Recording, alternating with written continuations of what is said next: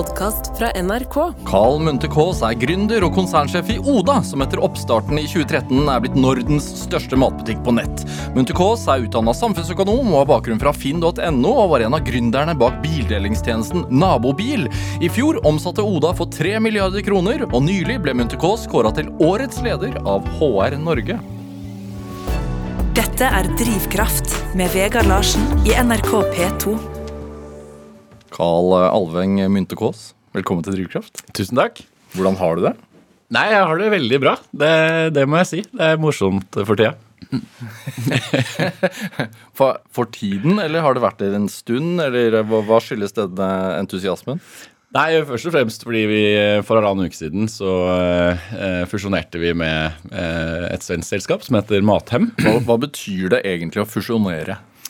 Nei, det betyr jo at uh, man i praksis slår man sammen uh, Man slår sammen to selskaper, altså både eierskapet, så, så at eierne da i Mathem og eierne i Oda blir nå framover eiere i et fellesselskap. Mm. Hva har det å si for deg? Uh, nei, altså, så jeg blir jo konsernsjef for, for begge de to tidligere selskapene når de blir slått sammen til én. Mm. Um, og, og, sånn fungerer vi. Er en, vi er på en måte en sentral gruppe, og så har vi landorganisasjoner, så da blir det Norge og, og Sverige. Eh, og så For meg så betyr det jo ja, muligheten til å utrette mer. da, Levere dagligvarer eh, på døra til folk ja. eh, i to land. og Eh, ja. Eh, Arbeidsstokken din har gått fra Ja, vi er vel i overkant eh, av 1000, så å si 1200-1300, og så kommer det inn 1800 til. Så da er vi nå over 3000. Hvordan er det? Ja, det er litt Når du sier det sånn, så er det jo egentlig litt absurd, på en måte. Ja. Men, nei, men det er jo først og fremst veldig gøy, og det var jo derfor jeg ville starte dette her. var jo for å levere mat til folk og skape arbeidsplasser. Så, ja. altså, det, det er det hovedsakelig Oda gjør. altså For de som ikke veit hva dere driver med. Så fordi dere er jo ganske østlandsbasert. Ja. Eh, men, men, altså, man kan bestille matvarer på nett, og så får man det eh, kjørt hjem. Det er riktig. Ja. Så, vi, så, så, enkelt egentlig, er det ikke Så enkelt og så vanskelig, kan man si. Ja, ja. Og det er det samme som Mathem eh, har gjort i Sverige, men før dere også? Ja, absolutt. Så de, de var jo på mange måter en inspirasjon for oss når vi starta kolonial.no eh, for eh, ti år siden. Mm. Eh, Oda, som det heter nå. Eh, absolutt. var de første i Norden, vel. Eh, de og et annet selskap var ganske nære hverandre. Men ja. absolutt. Jeg snakket jo med gründeren av Mathem i sin tid. Og han husker han sa til meg at ja, Kalle, du, du kommer til å trenge 100 mil for å, for å gjøre dette her. Uh, og jeg tenkte at det var en latterlig høy sum, at jeg aldri kom til å trenge så mye. Uh, og et par milliarder etterpå så er det greit å si at både han og jeg tok feil, men jeg tok mer feil, tror jeg. Ja. Er, det, er, det, en positiv ting at man kan være naiv ved oppstart av bedrifter? Jeg tror, vet du hva, jeg tror det er en nødvendighet. Jeg. Ja. Ja, jeg tror uh, Altså, du, man må ha en, en, en visjon om det, Man må ha en idé eh, om at et produkt eller en tjeneste kan leveres til en kostnad som folk er villige til å betale. Det må ligge noe der. Men, men eh, altså hvis du, hvis du skal lage et stort selskap, så er det på en måte umulig å vite hvordan det kommer til å se ut når du starter. Altså, det er for komplekst. Så, og, og, mm, så du må i hvert fall være altså Om ikke du er naiv, så må du i hvert fall være veldig komfortabel med uvisshet, da, eller å gå på en måte inn i det ukjente. Eh, og, og, tenke tross alt at en, en startup, og etter hvert en scaleup, og så et modent selskap altså, Men startup er jo en organisasjon som er eh, satt sammen for å løse disse problemene, for å finne ut av hvordan man skal gjøre det, egentlig. Eh, og det tror jeg en del eh, Jeg tror det er mange som starter en startup og tenker at de har en løsning, og så, og så lager de et selskap rundt det. Mm. Jeg har litt mer tro på at du må lage et selskap for å finne løsningen. I hvert fall hvis, hvis, hvis, det, hvis det, er et vanskelig problem, mm. og et problem verdt å løse. Eh, så er det ofte vanskelig å løse, og da må man tenke at det er et selskap du bygger for å løse det, ikke, mm. ikke en løsning. Altså, du, du i fjor så omsatte dere jo for ja, ca. 3 milliarder. Oda. Ja, eh, i, mm. ja eh, så, så, det har jo vokst seg til et, eh, et voksenselskap. Mm. Eh,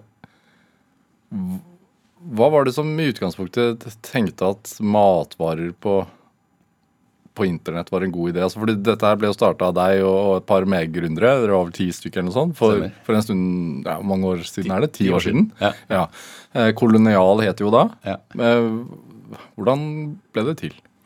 Altså um, Det var egentlig altså en av medgründerne mine, da, en av de ti, um, Jon Kåre, som var en venn av meg, egentlig. Og, og jeg, jeg, hadde jobbet uh, en del med, med produksjon, logistikk. Og så, som nevnte innledningen, også i, Finn. Så hadde liksom litt, litt, et bein i det digitale og et bein i det produksjon, logistikkdelen. Mm. Uh, og så Eh, prata vi en dag, og da fortalte han at Dagbladet på nett i Storbritannia hadde begynt å bli ordentlig stort. da. Mm. Større enn her? Ja, ja, absolutt. Altså, nå, det, allerede da så var det en 3 markedsandel. Og det er ca. det vi har i Norge nå. Mm. Eh, nå er det 12-14 av all mat eh, i Storbritannia selges på nett. Um, og, og, han endte der, og, og, og det, var, det, var, et lite tilbud, men det var veldig, det var veldig lite og, sånn.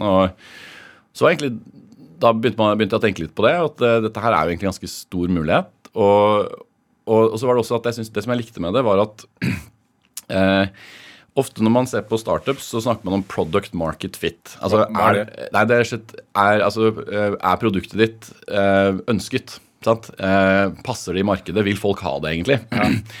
Og det, det, er den vanligste grunnen til at selskapet ikke lykkes, er at de ikke har product market fit. Du, for fordi at du tenker at du har en fiffig løsning på et eller annet problem, og så viser det at det problemet ikke er så stort for folk. Mm. Og, og du, du, man har egentlig ikke så, så, stor etterspørsel etter det du produserer. Det, det er vanligvis det som, som, dreper et selskap.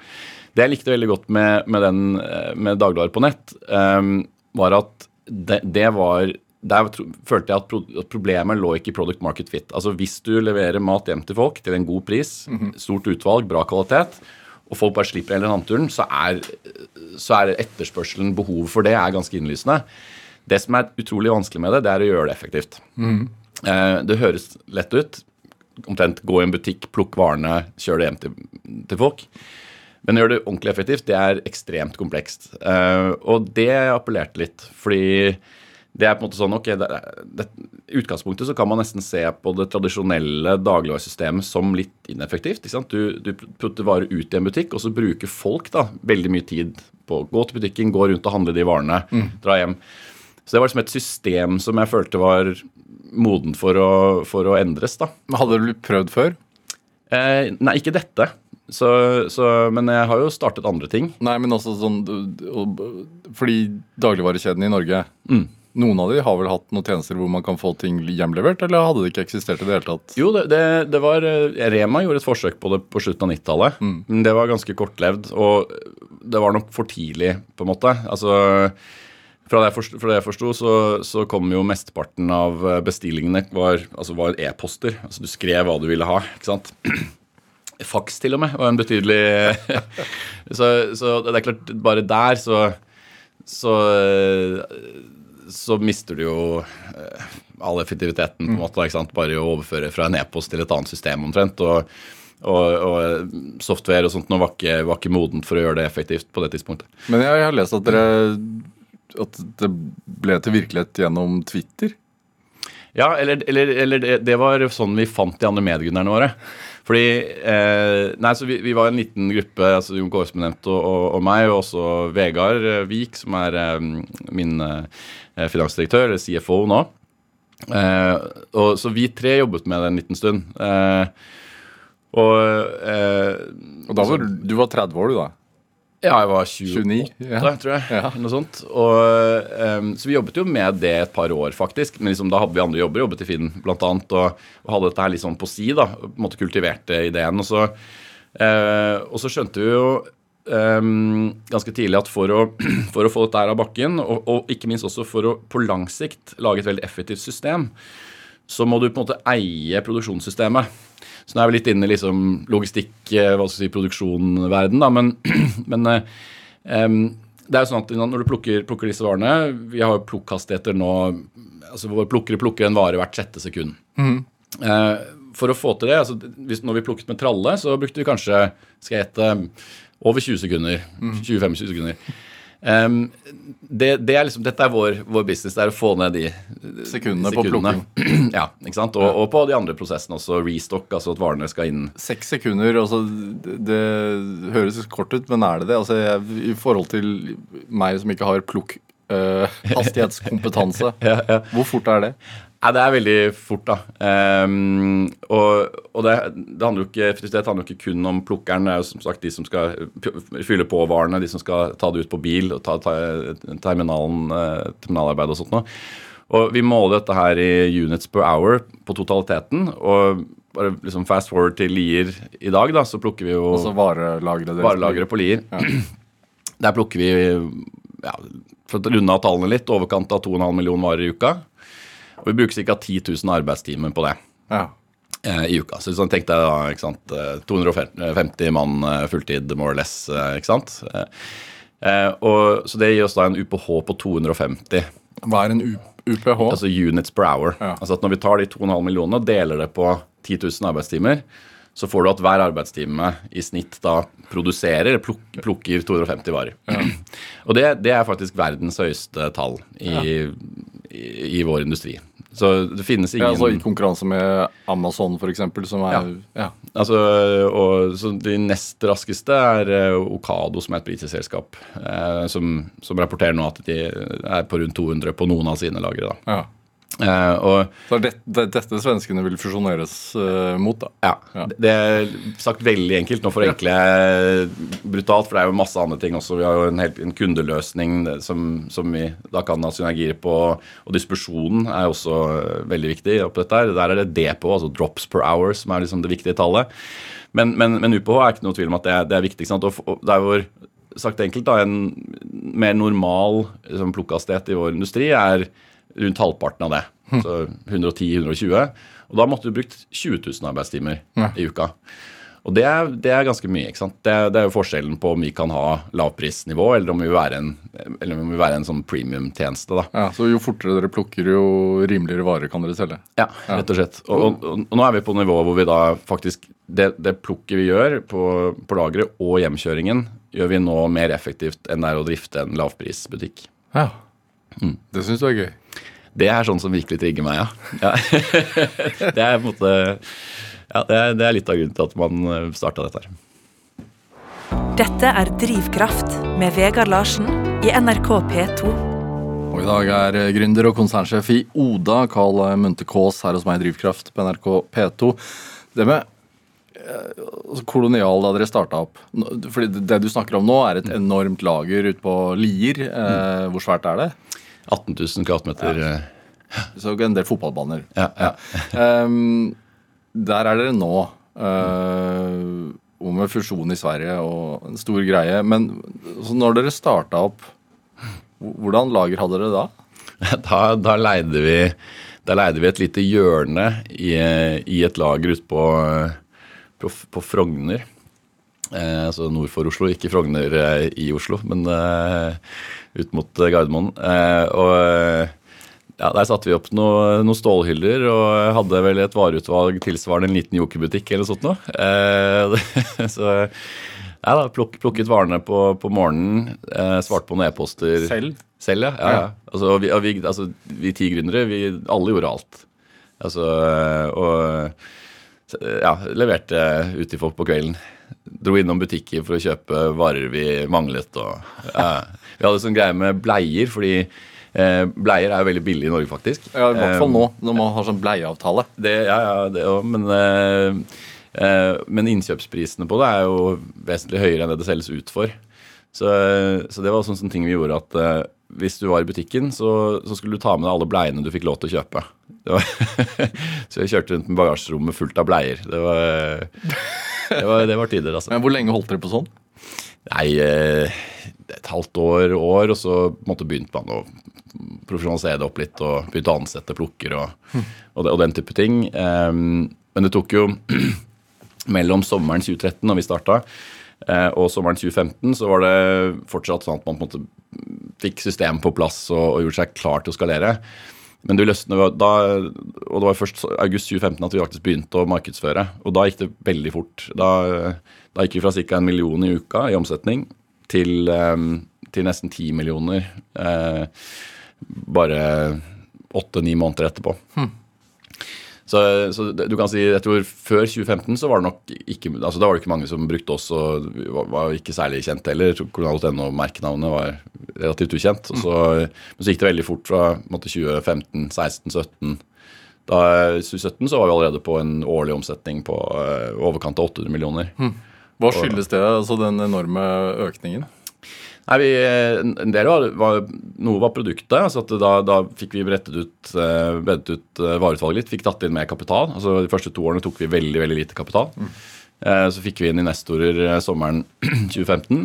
Og det gjorde at vi da kunne investere i større lager, større vareutvalg og ikke minst markedsføring. Dette var jo faktisk ganske tidlig. altså Facebook ble jo starta i jeg til å slå an i hvert fall 2007-2008. Mm. Men, men, fortsatt i 2015 så var sånn Facebook-marketing var ikke så hva skal vi si eh, Det var før man begynte å se på Facebook som en eh, ja. markedsplass. Ja, ja, i hvert fall, og også som en stor markedsføringskanal hvor det fortsatt var veldig billig å markedsføre på Facebook. Så, så jeg husker at vi, sånn, hvis vi brukte 100 eh, 000 kroner en uke på, på, marketing, så hadde vi 100 000 i mer i salg uken etter. Mm. Permanent. Altså, så en helt sånn vanvittig si, avkastning på markedsføring. Og så hadde jeg i dette teamet, da, i dette gründerteamet på ti, så jeg nevnte et par av dem, men, um, og du, du, nevnte dette med Twitter. Mm -hmm. Fordi um, nei, når, vi, når, vi, skulle starte, så skjønte vi at uh, vi tenkte å bygge vårt eget system. Uh, og vi hadde ikke så mye kapital og likte bedre tanken om at det var flere gründere. At på en måte man, man uh, hadde eierskap da, i stedet. Minimere risiko. Vi er flere om det. Ja. Og, ja, og liksom det, er bra, det er trygt med et, med et større gründerteam. Og ikke minst også, det var jo en monumental oppgave. Så, altså, selv ti, ti, personer var jo ikke nok. Men det som eh, så Vi ansatte jo veldig mange mennesker etter hvert. Men det, det er klart, eh, det teamet var ganske komplementært. da. Så, så, vi hadde jo måtte, operasjonserfaring, eh, sant, skal si, eh, forretningsutvikling, eh, den type ting. Men vi manglet jo teknologi og marketing. Og, og der var det den Twitter-meldingen kom inn. For da eh, eh kompisen min så Vegard da så at eh, Mats André, en av, en av de andre gründerne, gründerne eh, la ut en melding på Twitter om at de var et lite konsulentbyrå, marketing og teknologiutvikling som så etter liksom en gründerreise. da. Og tok møte med dem og, og klikket umiddelbart. Jeg husker um, 1. mai 2013 eh, så hadde vi et møte, jeg husker det var 1. mai, fordi um, eh, det var liksom natt til 1. mai, og, og hvor, vi bare, hvor vi ble enige om at dette gjør vi. Og vi hadde tror jeg egentlig ikke peiling på hva vi virkelig hadde gitt oss inn på, men bare det at vi ble, var enige om at det skulle gjøres sammen eh, var på en måte så, så, gøy og inspirerende at det ble en slags sånn spontanfest, husker jeg. Eh, Christian, teknologidirektøren, satte på strobelysfunksjonen på telefonen sin, og så danset vi på dette lille kontoret. Eh, bare i den liksom eh, euforien at vi liksom gjorde noe sammen. Da. Så det var um, litt sånn magisk, egentlig. Eh, Hvor mange eh, er igjen i dag? Nei, eh, nei, nå har det gått ti år, så det er jo flere som på en måte har, har gått ut. Men vi er, vi er en seks av de ti igjen i selskapet, da, og, og tre, tre, av oss er i ledergruppa. Mm. Er det Hvor mange år Altså, når man starter opp noe sånt, ja. øh, og med litt hårete ambisjoner i starten, mm. eller? Jo, ja. absolutt. Hva, hva, tenker man om, om, om lengden? Altså hvor, hvor lang uh, målsetning Altså hva, hva, snakker man i tid her? Hva, hva tenkte dere? Man, man tror, tror, jeg bare alltid at, at, ting går fortere enn det gjør. ikke sant? Så Jeg husker, jeg husker ikke helt altså, eh, hva vi hadde i, i, tidsambisjoner, men det var sikkert eh, eh sikkert altfor for kort. altså... Um, men ambisjonen vår da var jo på en måte revolusjonere norsk dagligvare. Jeg kan jo si at måte, ambisjonene våre har jo faktisk blitt større etter hvert. Eh, vi tenkte at dette er, var noe Norge trengte. Udekket behov i Norge. Visste at det var andre selskaper som gjorde det. Eh, skjønte at det var veldig mye som måtte på plass, men, men eh, tenkte jo at hvis vi ikke kunne ta en god posisjon i løpet av tre-fire år, eller noe sånt nå. Um, og nå er vi jo ti år seinere. Mm. Um, jeg tror penetrasjonen, altså veksten i online dagligvare, har nok vært litt lavere enn vi trodde. For vi tenkte liksom at hvorfor er ikke dette her like stort som i Storbritannia? på en måte? Hvorfor er det ikke det? Nei, mye av Det altså, det tar jo tid å endre vaner. og I Storbritannia så begynte man dette arbeidet her på tidlig 2000-tallet. Og alle de store kjedene presset på en måte online dagligvare. da. Eh, mens i Norge så er det på en måte vi som har trukket det lasset der nesten alene. Mm. Så, og, så, jeg skulle jo gjerne sett at uh, de andre dagligvarekjedene hjalp til litt med å på en måte få folk til å faktisk forstå hvor bra dagligvare på nett er. Og, og, og, kanskje bryte ned en del av de barrierene folk har hatt. Da, at man har tenkt at dette er enten dyrt, for at det er en slags sant, premium tjeneste. Hvordan kan det være billig når liksom, du plukker varene og leverer til døra mi? Liksom. Må mm. Nå betaler jeg sikkert mer for det. Um, det er et problem. Uh, eller at man tenker at uh, vi ikke gir deg gode varer, eller stoler ikke helt på at man plukker de riktige tingene. Men det, men det største problemet sånn sett for nå, de, de, tingene der er jo løst. Vi har et enormt vareutvalg. Vi har nesten ikke noe svinn, fordi alle varene kommer jo rett inn fra gårder. på et, altså Vi har jo 60-70 lavprisbutikker samlet på ett sted da, i mm. volum. Så rotasjonen er veldig høy, så kvaliteten er, er veldig bra. Eh, og nå de siste to årene så har vi jo matchet dagligvare lavpriskjedene på pris. Så da, da, har du egentlig tekket alle de, og du får da hjemlevert. Men, men likevel så har ikke vi ikke sant, eh, På Østlandet der vi er, så har vi kanskje en 3 markedsandel. Um, og man kan spørre seg, jeg spør meg selv heller, for, verden har vi ikke liksom 50 ikke sant?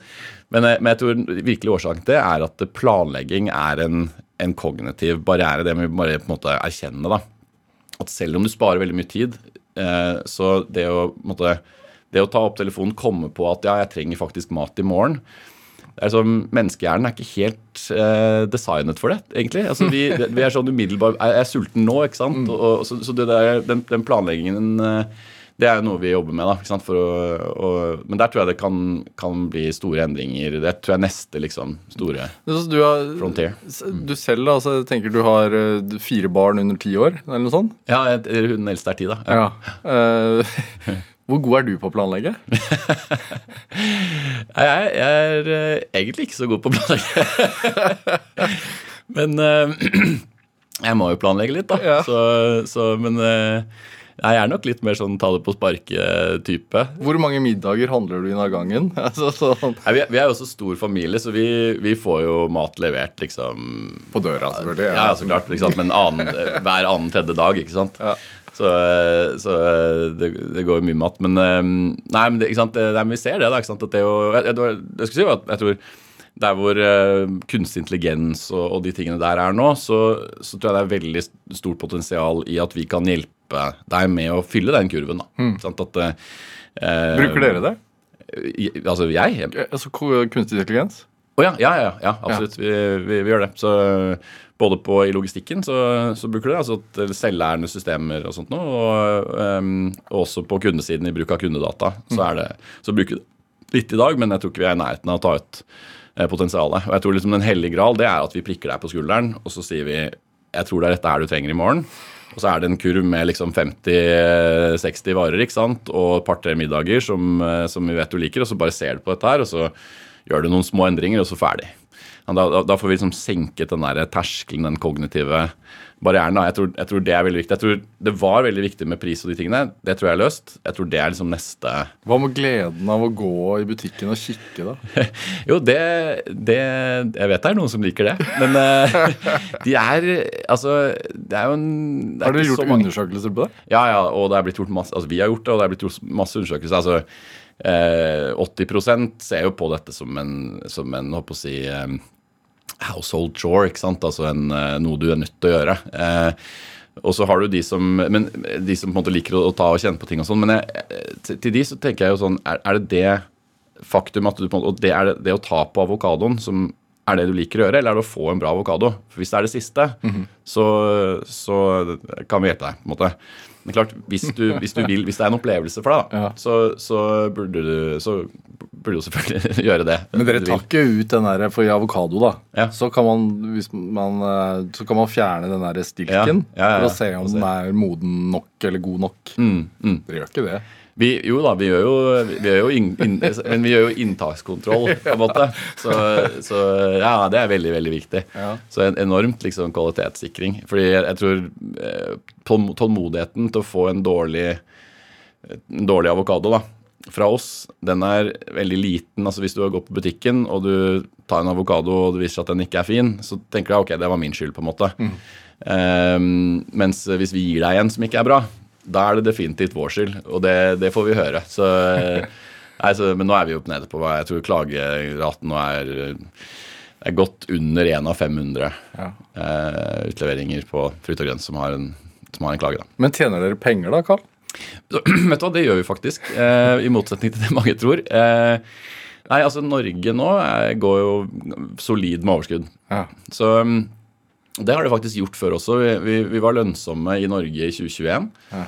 Eh, og så er vi det nå igjen nå. Vi byttet jo lager imellom, og vi satte ned prisene på slutten av 2021. Så, så, og det ga oss mer volum, og nå er vi på en måte tilbake der hvor det volumet gjør at vi, at vi tjener penger igjen. Og så var det jo en eh, brutal priskrig første halvår i år.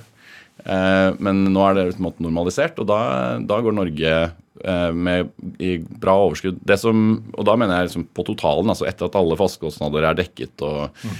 selvfølgelig all plukk og, og distribusjon, men også det svære lageret, kostnaden av det, hele administrasjonen i Norge. Men, som, men grunnen til at Oda fortsatt har tatt inn penger og sånn, det er jo fordi at eh, vi har da en, en, en plattform, eh, altså et, et team på 270 personer, som lager all teknologien og det mye av det er jo egentlig altså R&D, altså eh, innovasjon. da. Mm. Så, så, så ikke, det er ikke drifter ikke, men de ut, videreutvikler ting. Og den, det er jo et team som koster en god del. Mm. Og det er ikke nok overskudd fra Norge nå alene til å dekke hele den kostnaden. Eh, og det er Derfor er jo f.eks. denne fusjonen en god idé. For mm. da, da, kan vi få en positiv kontantstrøm fra et land til.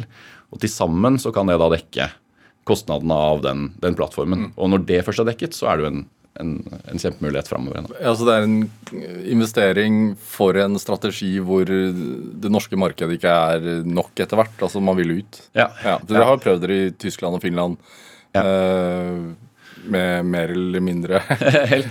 Mer eller mindre, tror jeg. Mer eller mindre. ja, det er sant, selv om det er litt sånn, det er litt sånn synd, fordi særlig Tyskland fikk jo på en måte ikke sjansen til å prøve ordentlig. Vi, mm. vi, vi trakk oss ut der veldig veldig raskt etter vi lanserte. Og, og, um, og, der var det positive utvikling der, altså. Men eh, rett og slett så det, Dette har jo bare med finansmarkedet å gjøre. Mm. Altså, det er når vi bestemte oss for å ekspandere, eh, greenfield som heter, altså at du bare tar hele bedriften, går inn i et nytt land fra bunn. da. Mm. Um, det var en strategi som ga mening i 2021, for da var kapital veldig tilgjengelig og veldig billig. altså Rentene var veldig lave og sånt noe.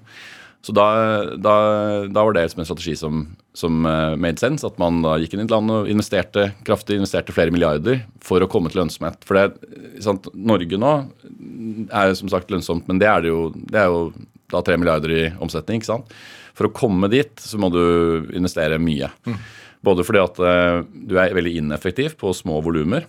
Så da, da, koster det deg, liksom, da koster hver ordre koster mer enn du får inn.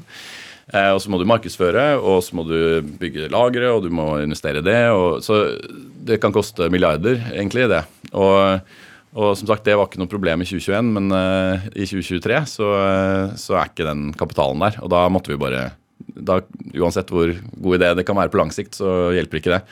Så, så vi måtte trekke oss ut, da. Men det er det som denne fusjonen gjør annerledes, er at da starter man jo med et stort volum. Mm. Uh, og, og, du kan si um, forretningscaset. Uh, merkevaren er der. Merkevaren er der. Og, og, det er egentlig bare å implementere den teknologien du allerede har og kjenner. Svenskene må bare lære seg å plukke fortere. ja, ikke, det, De trenger ikke å bevege seg fortere, men uh, i et annet system. da, hvor Man har fjernet mange prosesser. Tror, uh, Hvordan ser det ut på lageret deres? Nei, det er et uh, Eh, stort, stor lagerhall, mye palleplasser hvor, hvor det står paller med alt mulig. ikke sant? Eh, og så har du en så har du på en måte i hjertet så har du en, eh, et samlebånd eh, hvor det står en rekke stasjoner hvor, hvor plukkerne står på, på, stasjonene sine.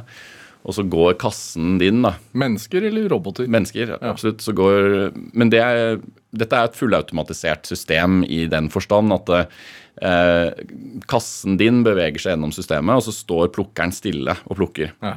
Og Det er til forskjell fra tralleplukk, som er liksom den standardmodellen. og Da er det en person som går med en tralle og plukker la oss si, fire-fem ordre av gangen, da, mm. mens de går rundt i en sløyfe. Her står man stille og plukker, og da, da, sparer, da sparer, man jo veldig mye tid på den gåinga. da. Eh, så, men det som er vanskelig i et sånt system, er at du, du um, Det er som en samlebåndproduksjon av en mm. bil. men biler de standardiseres av en grunn. Og Det er fordi det er akkurat den samme prosessen som gjøres på hver eneste bil. og Da kan du legge opp en jevn flyt. Mens eh, det å sette sammen en dagligvareordre, eh, det er som å sette sammen helt forskjellige biler hver gang. Fordi ikke sant, av ja, Vi er jo 9000 omtrent varer nå. ikke sant? Og, og, du setter sammen en kombinasjon av 50 av de 9000 varene, så er det sikkert flere permutasjoner av det enn det er atomer i universet. eller noe sånt, ikke sant? Så det er, Nesten ingen ordre er like. Og, da, og det gjør at det da vil stasjonene vil ha forskjellige trekk. Da, Hvis du får en rekke ordre som plutselig alle sammen skal ha den samme varen, så får du en flaskehals. Og det, eh, så det å faktisk gjøre dette her i et sånt system er mye vanskeligere og komplisert enn man tror, tror jeg. Ja. Eh, og det er liksom den nøtta vi har knukket. da. Eh, at, eh, at, at, vi klarer å få plukket fort uten at det blir sånne, sånne flaskehalser. Ja. Eh, Hvor delaktig har du vært i den knekkingen? Eh, Faktisk, så, altså, jeg elsker, Dette er sånne ting som jeg faktisk elsker. altså Hvis jeg kan få en dag fri fra liksom investormøter og advokatsamtaler, og i stedet liksom brainstorme på hvordan vi kan ja, flytte paller i restock mer effektivt, da det er det jeg faktisk liker best å gjøre. Eh, så, men det er klart at eh, Hvorfor det? Fordi at jeg, jeg bare jeg elsker å liksom se for meg en mer effektiv løsning, og så som se om det funker. Eh, liksom, jeg liker å tenke sånn Hvordan kunne dette her ideelt blitt gjort? Um, hvordan er klesskapet ditt? Det, det, jeg, jeg, har på meg en genser nå. Ja, nå er det reklamegenser, selvfølgelig. Men sånn, har, du, har, du brett, har, du, brettekanter? Har du Å, ja, sånn, ja. ja. Dette er den eneste genseren jeg har, eh, omtrent. Jeg bruker bare det. Eh, men ehm, nei, skapet mitt er ikke så så Verktøyboden? Nei, nei jeg, er ikke, jeg, er ikke, sånn Jeg er ikke sånn superstrukturert på det. Nei. Nei så det er mer, som, Jeg tror det er mer den idégenereringen. Modellbyggerplassen hjemme hos deg? Ja, ja, ja. Den er ganske rotete. Ja. Men uh, Har du det? Uh, faktisk så Altså, jeg vokste opp med å bygge modellfly, så jeg har faktisk en sånn modellflyplass. Men, uh, men nå, nå hvor, hvor, er den? Ja, Den er i kjelleren eller underetasjen. Ja, ja. Hvor, altså, er det fars liksom, hule? Eh, ja, litt. Det var, det var en gammel badstue som, som nå har en sånn arbeidsbenk og, ja. og masse rot. Men um, Hva bygger du?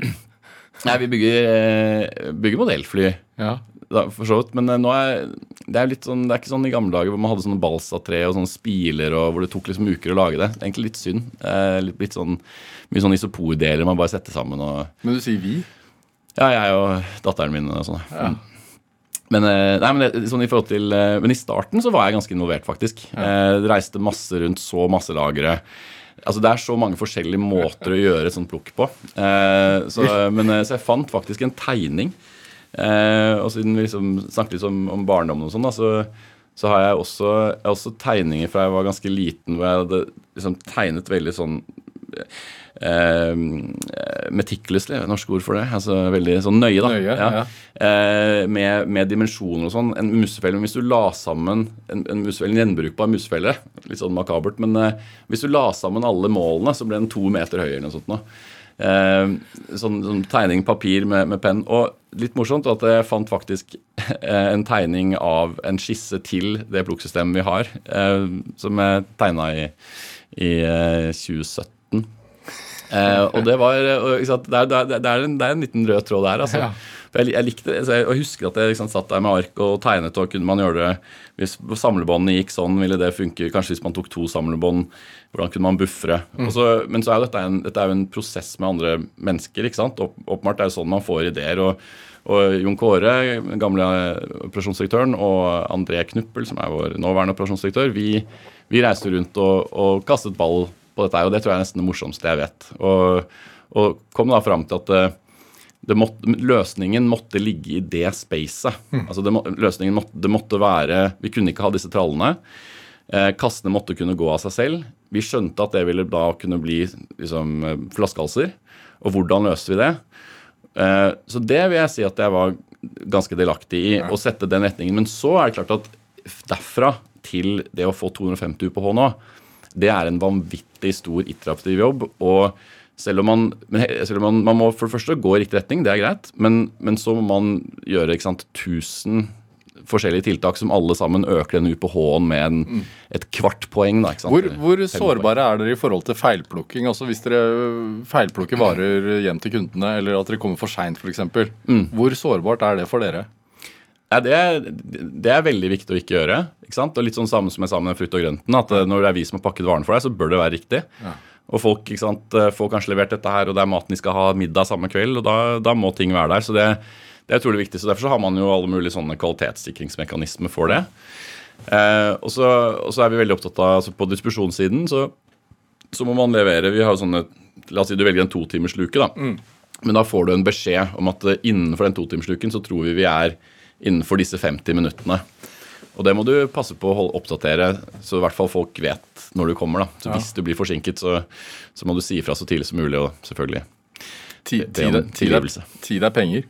Definitivt. Ja. Definitivt. Jeg vet at du har et sånt uh, ur du har arva. ja, ja, ja. Uh, hva, er det, hva er det slags ur? Uh, jo, um, altså farfaren min var, var forbedringsingeniør, da.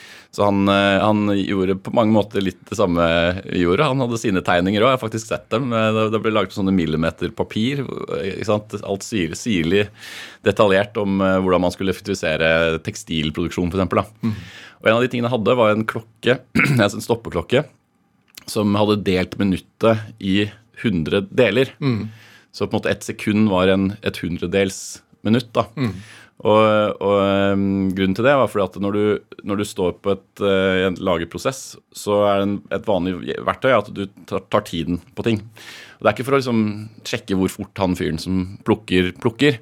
Det er for å prøve å se hva, hva, man bruker tid på i prosessen, og kan man fjerne noen av de stegene. Det er sånn man effektiviserer. Det er ikke at man jobber fortere, det er at man fjerner ting. At man gjør mindre, egentlig. Det er liksom nøkkelen. Og da, og da, er det veldig nyttig å ha såkalt gjøre en OPR, Overall Process Efficiency-test, som er at man da sjekker hva alt tar av tid. Ja. Og da, eh, liksom pre-computer og sånt nå, så var det veldig nyttig da å dele et minutt i hundredeler, for da slapp du å dele på, på 60 og gjøre en sånn omregning. da. Ja. Da kunne du liksom bare si at dette tok 8 hundredels minutt. Ja. Og hvis du hadde eh, hvis du hadde eh, ja, 15 sånne prosesser, ja. så hadde du da 1,5 1,6 minutter. Ja, ikke sant? Se for at du måtte regne om det. Så, så nei, altså, den, Jeg har den på pulten min bare for å minne meg på at uh, det er på en måte tid det dreier seg om. Og det er de hundredels uh, minuttene som, som, man skal ta ut. Og hvert, hvert hundredels minutt du tar ut av disse prosessene, det har veldig mye å si. Og det er til syvende og sist det som gjør at du kan få maten hjem Aha. billig. da. Karl uh, Munterkås, vi skal spille litt musikk. Du har med en klassiker. Mm. Ahas 'Take On Me'. Hvorfor det? Eh, det er ikke den Jeg, jeg syns det er en flott sang. Eh, alltid god stemning eh, når man spiller den sangen. Og litt personlig, er det ikke det? Men, eh, men det er litt personlig, for når dere spurte meg om liksom, hvilken sang eh, skal velge én sang, så tenkte jeg at siden det står 'Take On Me' på innsiden av gifteringen min, så, så, kunne jeg ikke velge noe annet. Og grunnen til det er at da jeg møtte kona mi i London, hun er kanadisk, og, og, hun hørte at jeg var norsk, så var liksom noe av det første hun liksom forbandt med Norge, var a-ha. da. Så, eh, og så er det jo liksom Take on me, take me on. Det, det er bra. Det er, liksom, det er, det man gjør et ekteskap. Så, Blir spilt i bryllupet, antar jeg? Selvfølgelig. ja.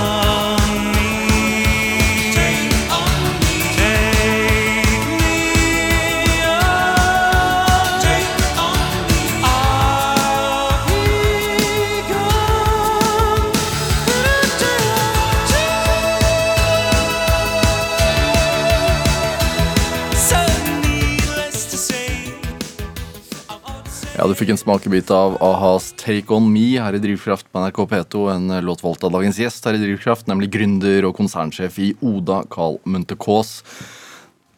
Det uh, gründermentaliteten din altså, Du nevnte farfaren din og modellflybygging og, så, og, og var opptatt av tid og sånn. Når starta liksom det å like å fikle med ting? At vi, så tidlig som jeg kan huske, nesten. Altså, ja, det å sitte og, og, og tegne oppfinnelser, ikke sant. Eh, eh, bygge modellfly, putte, putte, propeller på lekebiler. Eh, eh sånt noe er jo kjempegøy. Mm. Eh, så ja, det tror jeg. Ja, Seks-sjuårsalderen, sikkert. Mm. Mm. Hvor, hvor, lang tid kunne du sitte for deg selv og holde på med det? Ja, timevis. Ja. Jeg ble aldri tøft. Jeg tror jeg liksom eh, Jeg blir ganske sånn oppslukt av det jeg gjør. Og, og kan være nesten sånn monoman, egentlig. Ja. Altså eh, ikke gi meg på å løse et problem, da. Eh, jeg tror liksom Utholdenhet på det tror jeg er ganske viktig. Eh, viktig i gründerskap også. Kunne det vært egentlig hva som helst, og så bare ble det matvarer? Eh, kanskje, ja. Altså, ja. Men det, så, lenge det hadde, så lenge det var et stort nok problem og og ble gjort med, med, med, et ineffektivt system i dag. Jeg måtte akseptere, er så vanskeligheter med å akseptere skal si, rammer. da, liksom at, at, ting ikke går. Og, og, jeg tror jeg på en måte liker å tenke hvordan, hvordan kunne noe helt sånn optimalt vært? Mm. Og så er det alltid masse problemer eller, eller utfordringer med å, med å, finne en optimal løsning. Ofte så må du kompromisse. Men Eh, jeg tror jeg har en over gjennomsnittet liksom, utholdenhet i å ikke gi meg på å prøve å finne det optimale. Da. Mm. Eh, og ofte så, så, vil, så, så, kommer jo løsningene til deg over tid, og gjerne eh, veldig ofte i samtale med andre også. At du får liksom flere ideer inn. Men, mm. eh, men, men, det er jo mer sånn i, i, i, min jobb i dag. Men eh, når jeg var liten også, kunne jeg sitte timevis. Mm. Du, du, er fra Oslo? Ja. Mm. fra Frogner? Eh, eller Ullern er fra et borettslag eh, som heter Casinetto ja. bak Frognerparken. Noen flott arkitekttegn av gult borettslag? Ja, ja, eh, absolutt. Jeg vet D2 hadde noen sånne saker om det at mye arkitekter som bor der. Ja. Det som jeg tror var kult med det Men noen mener at det ser ut som Sing Sing, liksom. For det det er sånne trappeløp på utsiden. så det er mm. sånne celler, men, men, det faktisk er jo noe av det som jeg tror gjør det borettslaget litt unikt. For det er veldig sånn sosialt. For alle dørene går liksom rett ut i friluft. Og særlig for, for, barn så var det fantastisk. Du kunne liksom bare løpe ut Det er et eller annet med en trappeoppgang og ha liksom to dører inn gjør, gjør, det mindre sånn tilgjengelig, føler jeg. Mens mm.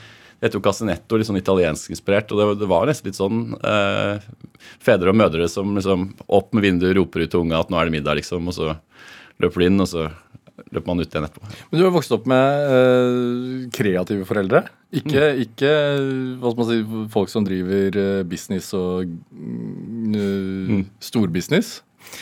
Ja, altså Moren min er grafisk designer, og faren min er kunstfotograf. Ja. Men eh, jeg tror mange tenker, altså kanskje særlig med faren min, da, så, så, det å være fotograf er jo veldig teknisk. Ja, altså Dag Alveng? Dag Alveng er faren ja. min. Og, mm, og, han hoppet jo av medisin eh, for å bli fotograf. Og, og har jo alltid vært liksom, en perfeksjonist og veldig opptatt av det tekniske. Så jeg tror som, så det er noe helt klart likhetstrekk mellom fotografi. Og det lærte han også av min farfar, da, mm. den samme ingeniøren. Så, så, jeg tror egentlig at vi er litt likere sånn sett enn folk kan tro, da, når man tenker at det ene er ja. forretningsmann og andre er kunstfotograf. Så komposisjon og mål og ja. prosess ved å fremkalle og Absolutt. Ja. absolutt. Og, ja. også litt det der å finne det perfekte bilde, på en måte. Han er også helt Min far altså, kan også være monoman, eh, definitivt, på ja. det. da. Så eh, mye til felles her. Du, øh, hvem var du som ung? Altså, jeg veit at du var medlem av Rød Ungdom, f.eks. ja, ja. Eh, nei, hvem var jeg som ung? Altså, jeg var jo eh, Var du sosial? Absolutt. Jeg er veldig, veldig ekstrovert. Eh, det var jeg også. Det, altså, jeg var jo sånn, liksom, sånn typ, middels på, på kulhet, liksom. Jeg, jeg, eller kanskje under, jeg vet ikke. Men nei, jeg tror jeg er ivrig, liksom. Ikke sant? Eh, mye sånn passion og driv og sånn. Det er ikke, sånn I tenårene så er det ikke liksom, så er kanskje ikke det det sånn kuleste. Men jeg, for jeg var litt sånn nerdete da. ikke sant? Hva er det? Hm? Hva er det? Altså, hvordan, På hvilken måte var du nerdete? Eh, nei, opptatt av å skjønne ting, bygge ting. Eh, Nerdete er jo liksom, kan jo bety så mangt, men, eh, men igjen litt sånn kanskje obsess da, på, på, på enkelte tema. Om det er eh, eh, ja, den modellflybygging, liksom. ikke sant? Ja. Eller, eh, eller dataspill, selvfølgelig. Spilte man jo en del. Men det er ikke sant. Det er jo med sport og en normal, fin oppvekst, egentlig. Ja. Huh. Hva, hva, tar du med deg derfra som du altså, som, som, du har fått bruk for siden? Altså, hva tror du har liksom lagt løpet? Eh, altså, jeg vet ikke om Jeg tror man er seg selv litt, på en måte. Altså um, eh, Jeg vet ikke om det var noe barndom altså, Jeg fikk jo på utfolde meg og, og hadde det veldig gøy. Begynte på, altså Etter barneskolen begynte jeg på Katta, som var et fantastisk eh, sted å være. ikke sant? Eh, fant jo mange likesinnede der. Ja, eh, det er ganske høyt sånn karaktersnitt. Folk er liksom opptatt av, av eh, Idéhistorie? For eksempel. ja, eller matematikk, eller ikke sant. Og, samfunnsøkonomi? Og samfunnsøkonomi, ja. Absolutt. Det var veldig viktig. Eh, og, og, fikk jo liksom sådde frøet der. Eh, for det er også, samsøkt med også systemer, ikke sant. På samme måte som ingeniør... eh, kan være. Så, så um, og da, da, liksom, da, går det jo på hvordan kan man på en måte designe et bedre samfunn. um, så, det, så, det, var uh, Hvorfor var det tiltalende? For du, du er jo utdanna samfunnsøkonom. Ja, Nei, nettopp, nettopp fordi at det er liksom dette potensialet som ligger i det. Altså, Samfunnsøkonomi dreier seg om effektiv bruk av knappe ressurser. Det er essensen liksom i også det vi gjør. ikke sant? Hvordan, hvordan optimerer du systemene? Hvordan får, får, du liksom mest mulig ut av ting? Og det, nå er det selvfølgelig mange andre sider av, viktige sider av livet enn en liksom materiell velferd, men det er likevel det er en viktig ting. Da, og jeg føler det er en nobel liksom pursuit, rett og slett. Mm. Og, og, og, finne ut hvordan kan vi på en måte få det bedre. Eh, og om det betyr liksom bedre materiell velferd, eller om det betyr at du kan ta ut mer i fritid. Det går ut på det samme. på en måte, og Det er verdiskaping. da. Mm. Og, ja. Du har jo uttalt deg mye om skatt, f.eks., og at ja, skatt er velkomment. Eh, ja, altså der, er, der, tror jeg er ganske misforstått. Og, og, særlig siden du innledet med at jeg var mer ungdom, så, så, så har jeg veldig sympati for um, målet. Eh, men jeg tror nok jeg over tid ikke føler at man kanskje har funnet de riktige virkemidlene, da, eh, hvis man går liksom veldig langt ut på venstresiden. Jeg er ikke tilhenger av mer skatt. Faktisk så syns jeg at det er eh, altfor høyt skattenivå i Norge. Og det er også, enda verre, så er det altfor høy virker helt urimelig høy andel av BNP, altså andel av totalproduksjon i Norge, som går på offentlige tjenester. Jeg tror det tallet er 62 Eh, som betyr at eh, Nå er ikke skattenivået vårt så høyt, faktisk. Det er på nivå med de fleste andre land. Mm. Men fordi vi har oljefondet, så, så, har man tatt alt det man får fra oljefondet, og, og basically brukt på å øke offentlig eh, sektor. Og det tror jeg ikke er effektivt. Jeg tror ikke det er optimalt. Um, så jeg er egentlig for mye lavere skatter. Men grunnen til at du sier det du sier, det vet jeg er fordi at jeg har sagt at jeg er tilhenger av formuesskatt. Mm -hmm. Og det er jeg. Eh, men eh, ikke, i, ikke, fordi jeg mener at staten skal ha mer skatteinntekter. Jeg mener at man må øke formuesskatten, og så må man sette ned særlig inntektsskatt og arbeidsavgift. Ja. Fordi de er mye mer skadelige enn det formuesskatten er. Gitt vel å merke at formuesskatten må utformes på en klok måte, og det er veldig vanskelig. Så jeg, så jeg, jeg på en måte erkjenner det at formuesskatten er en vanskelig skatt å, å, gjøre rett, men den har et utrolig bra potensial. Altså Den kan være et virkelig kinderegg hvis man gjør det riktig. Mm. For da kan man ta inn skatteinntekter fra store formuer som gjør at man kan sette ned andre skatter, som igjen gjør at økonomien kan bli mye mer effektiv. Og dette her går så enkelt som at inntektsskatt f.eks. er veldig skadelig fordi um, Spesielt på lave inntekter. fordi da kan det være sånn at man sier at nei, vet du hva, hvis jeg hadde fått 250 kroner timen, så hadde jeg giddet å jobbe, men fordi jeg må betale eh, 70 kroner i skatt og bare får 100, 180, mm. så jobber jeg ikke den ekstra timen. Det er veldig skadelig for økonomien når det skjer. Og da får man et skattetap. Det å kunne fjerne skatt på særlig lave inntekter, det ville gjort at arbeidsdeltakelsen kunne gått kraftig opp, og da hadde vi fått en større kake. så blitt rikere som land. Eh, mer konkurransedyktig eh, næringsliv. Eh, og Uh, og, og, så ville du på toppen av det hatt en positiv fordelingseffekt. Uh, som også er viktig. Det, I, I, forhold til det at når du beskriver Oda at dere har nærmest sånn uh, samlebåndsjobbing mm. og Da tenker jeg liksom Modern Times og, og samlebånd og, og, og mm. Hvordan motiverer man er, er, det, er, høye lønninger en del av det, eller hvordan, hvordan ja. motiverer man folk til å stå på et samlebånd hele dagen? Altså Vi, vi, vi, jo, vi er jo fagorganisert uh, og, og, har sånn sett tarifflønn, og vi har tillegg på toppen av det, og sånt nå, så vi betaler si, uh, solide Er det viktig for deg? Absolutt. Altså, Hvis ikke så skaper du ikke verdi. Altså Hvis du har skapt en tjeneste som kanskje folk vil ha, men så gjør du det fordi at du betaler folk mindre enn det f.eks. man ville tjent i en butikk, mm. så, så um, er det på en måte litt sånn falsk effektivitet.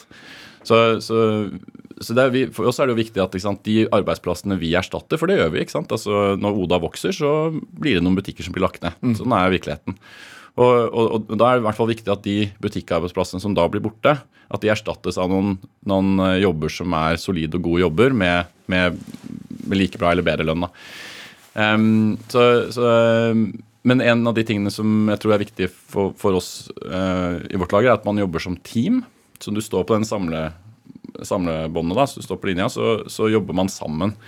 Uh, og jeg tror jo også Vi har ikke noe sånn bonussystem på fart og sånn, så det er ikke sånn at du fortere plukker det. Altså, det, det, som jeg tror motiverer, er at man sammen som team leverer bra. da. Mm. Uh, og det er jo motiverende for folk å slå rekorder. Og uh, jeg tror liksom Altså, jeg tror det er litt kult å tenke at på Lier da, så, så, er det et lag sammenlignet med et sportslag, da, ikke sant?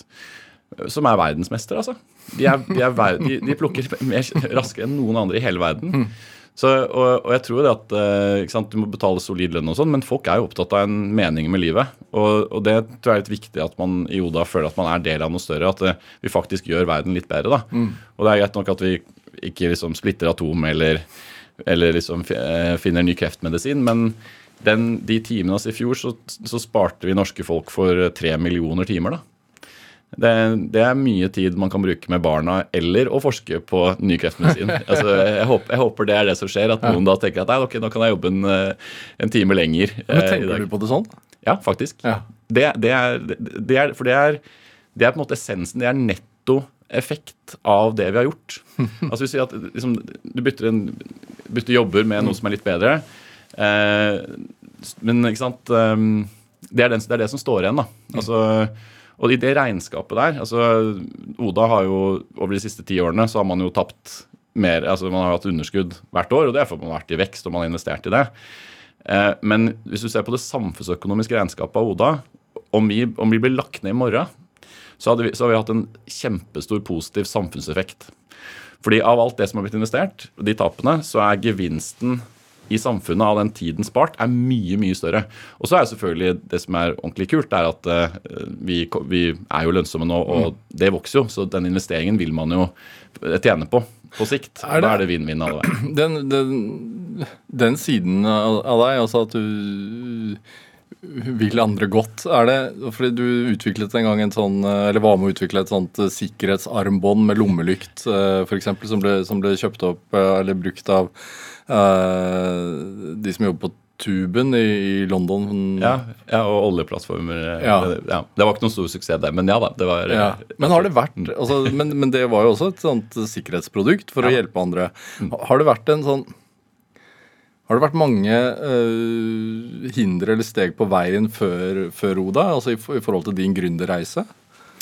Uh, ja, vi hadde jo, um, vi hadde jo Jeg startet uh, det selskapet du nevner der, da, Evacuate, det var en idé vi begynte med i militæret, som liksom utviklet seg litt mens man studerte og sånt nå. Eh, jeg tror, jeg tror det var altså eh, man må jo finne ut av liksom hvordan man starter selskaper og hva som er viktig. og sånt nå. Eh, det, det selskapet gikk jo, ble, ble solgt, men, men uh, var jo ikke noen stor suksess. Um, og så var det med å starte nabobil, som jo nabobil. ble en suksess, og Absolutt. som du solgte dere ut av? eller? Ja, ja. Og det, og det jeg, jeg, tror jeg, altså, jeg har hatt tre selskaper, og én gikk, eh, gikk, ikke bra, og to gikk bra. Um, og jeg har hatt to veldig gode ideer, tror jeg. Begge to fikk jeg som slutten av 20-årene. da. Eh, fikk, eller, eller, fikk av andre, eller hva man skal se, se på det. Men det, det ene var dagligvare på nett, og det andre var eh, bedre utnyttelse av bilparken. Mm. Og, og, det jobbet jeg faktisk med i Finn. Og så ble ikke det tatt videre der. Og, og, og, og så var jeg egentlig for opptatt med Oda, og det var egentlig full pinne på det. Men jeg visste at det der var en jævlig god idé, så det satt liksom og muret litt i meg. Og så var det to andre kompiser som eh, litt sånn uavhengig av hverandre var gira på det samme. Og da, og da startet vi det. Men det, det. men det, var jo noe jeg altså jeg har veldig respekt for å faktisk gjennomføre på ideen. Og jeg satt jo på en måte bare i styret. Men jeg var med å sette opp hvert fall ansette den første lederen og sånn. Men, ja. hva, hva, er hva er hemmeligheten? Altså, sånn, mange går med, får jo ideer, sånn mm. som du sier da, mens man er i militæret, eller i, mm. veldig ofte kanskje i starten av 20-åra. Ja, ja. Hva er hemmeligheten bak idé til gjennomføring? Eh, Blåøyd naivitet, så du tenker at du faktisk kan gjøre noe med det. eh, nei, men litt så spøk til, til alvor. Altså, du må, nei, men du må, altså, hvordan spiser du en elefant? Du må spise den i deler, og du må starte et sted. Eh, og, og, du skal ha en liksom, sunn eh, tiltro til egne evner, rett og slett. Eh, det kan høres kanskje litt sånn på grensen til arrogant ut, da, men du må jo tro at du får det til. Hvis ikke så kommer du ikke ut av startblokka engang. Så du, du, må tenke at dette her får vi til, og så må du få med deg andre. Og det, det er det viktigste egentlig egenskapen til en gründer. Er å tiltrekke seg egentlig mennesker og kapital. Altså få tillit. Sant? Så du må få med deg andre med på dette her, få med dem på visjonen, og, eh, og da kan det balle på seg. Hva er drivkraften din, da? Ah, det, er, så klisjé å si altså disse, De snakket om disse tre millioner timene. altså Det å, det å gjøre en forskjell, da. Eh, og så tror jeg drivkraft altså, skal være veldig sånn eh, psykologisk på det, så er det jo Man vil jo bli anerkjent, respektert, elsket, liksom. Eh, og sånt noe. Så det, det, ligger jo der, det. Men, eh, men jeg tror liksom sånn, sånn på detaljnivå så er det dette her å lage et bedre system. Jeg blir nesten liksom irritert når jeg ser at ting ikke er som det kunne vært. Så må man gjøre noe med det. Ja, ja. Munterkås, tusen takk for at du kom til Drivkraft. Tusen takk. Hør flere samtaler i Drivkraft på nrk.no eller i appen NRK Radio. Send oss ris eller ros, også tips til mennesker som du mener har drivkraft. Send den e-posten til drivkraft.krøllalfa.nrk.no. Vi hører veldig gjerne fra deg. Produsent og researcher i dag, det var Ådne Feiring. Dette var Drivkraft. Jeg heter Vega Larsen. Vi høres. Du har hørt en podkast fra NRK. Hør alle episodene kun i appen NRK Radio. En podkast fra NRK. Ja, politiet fikk eh, melding om en knivstikking eh, ca. kvart over tolv i dag. En helt vanlig formiddag dukker det opp en psykotisk mann hjemme hos 24-åringen Heikki Palto på Majorstua i Oslo. Så det virker jo helt, helt tilfeldig at han da går og banker på der. Hør Drapsmann på døra i appen NRK Radio.